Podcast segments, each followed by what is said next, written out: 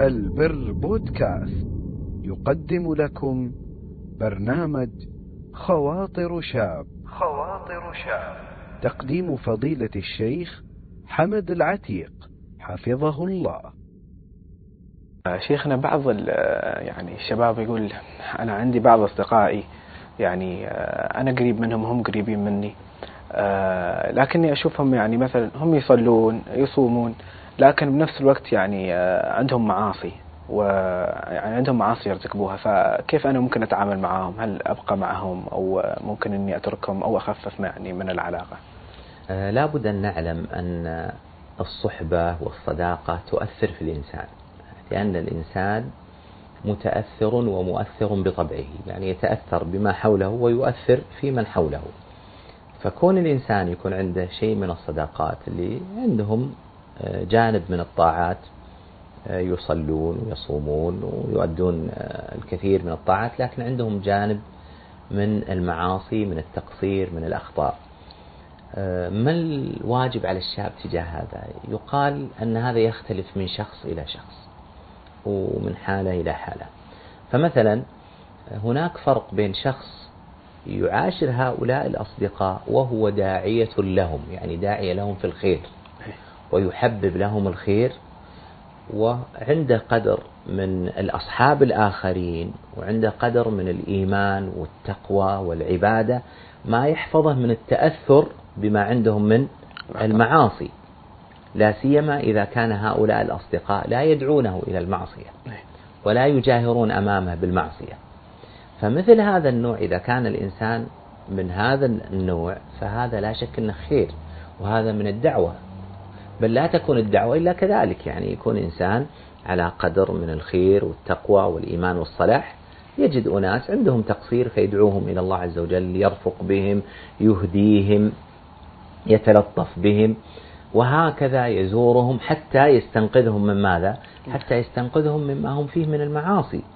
لذلك النبي صلى الله عليه وسلم لما زار جاره اليهودي يهودي يعني كافر بالله سبحانه وتعالى، لكن زيارة النبي صلى الله عليه وسلم له من باب ماذا؟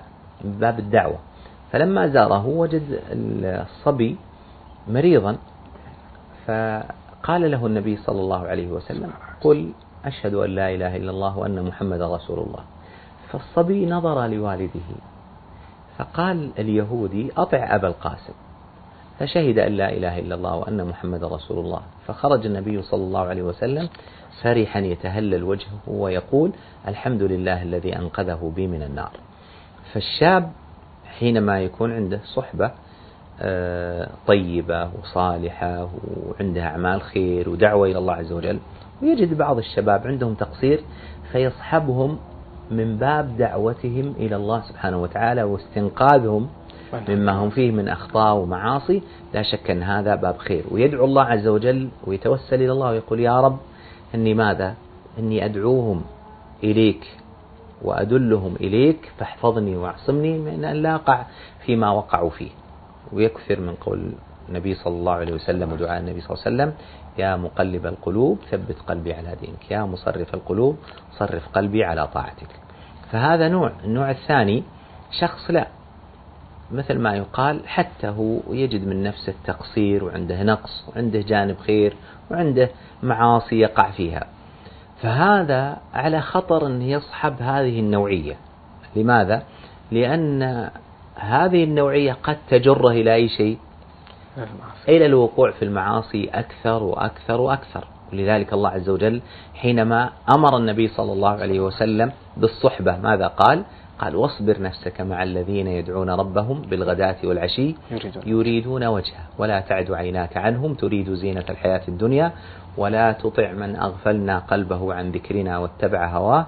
وكان أمره فرطا الصداقات إما أن تقودك إلى القمة وإما أن تقودك إلى الانحدار.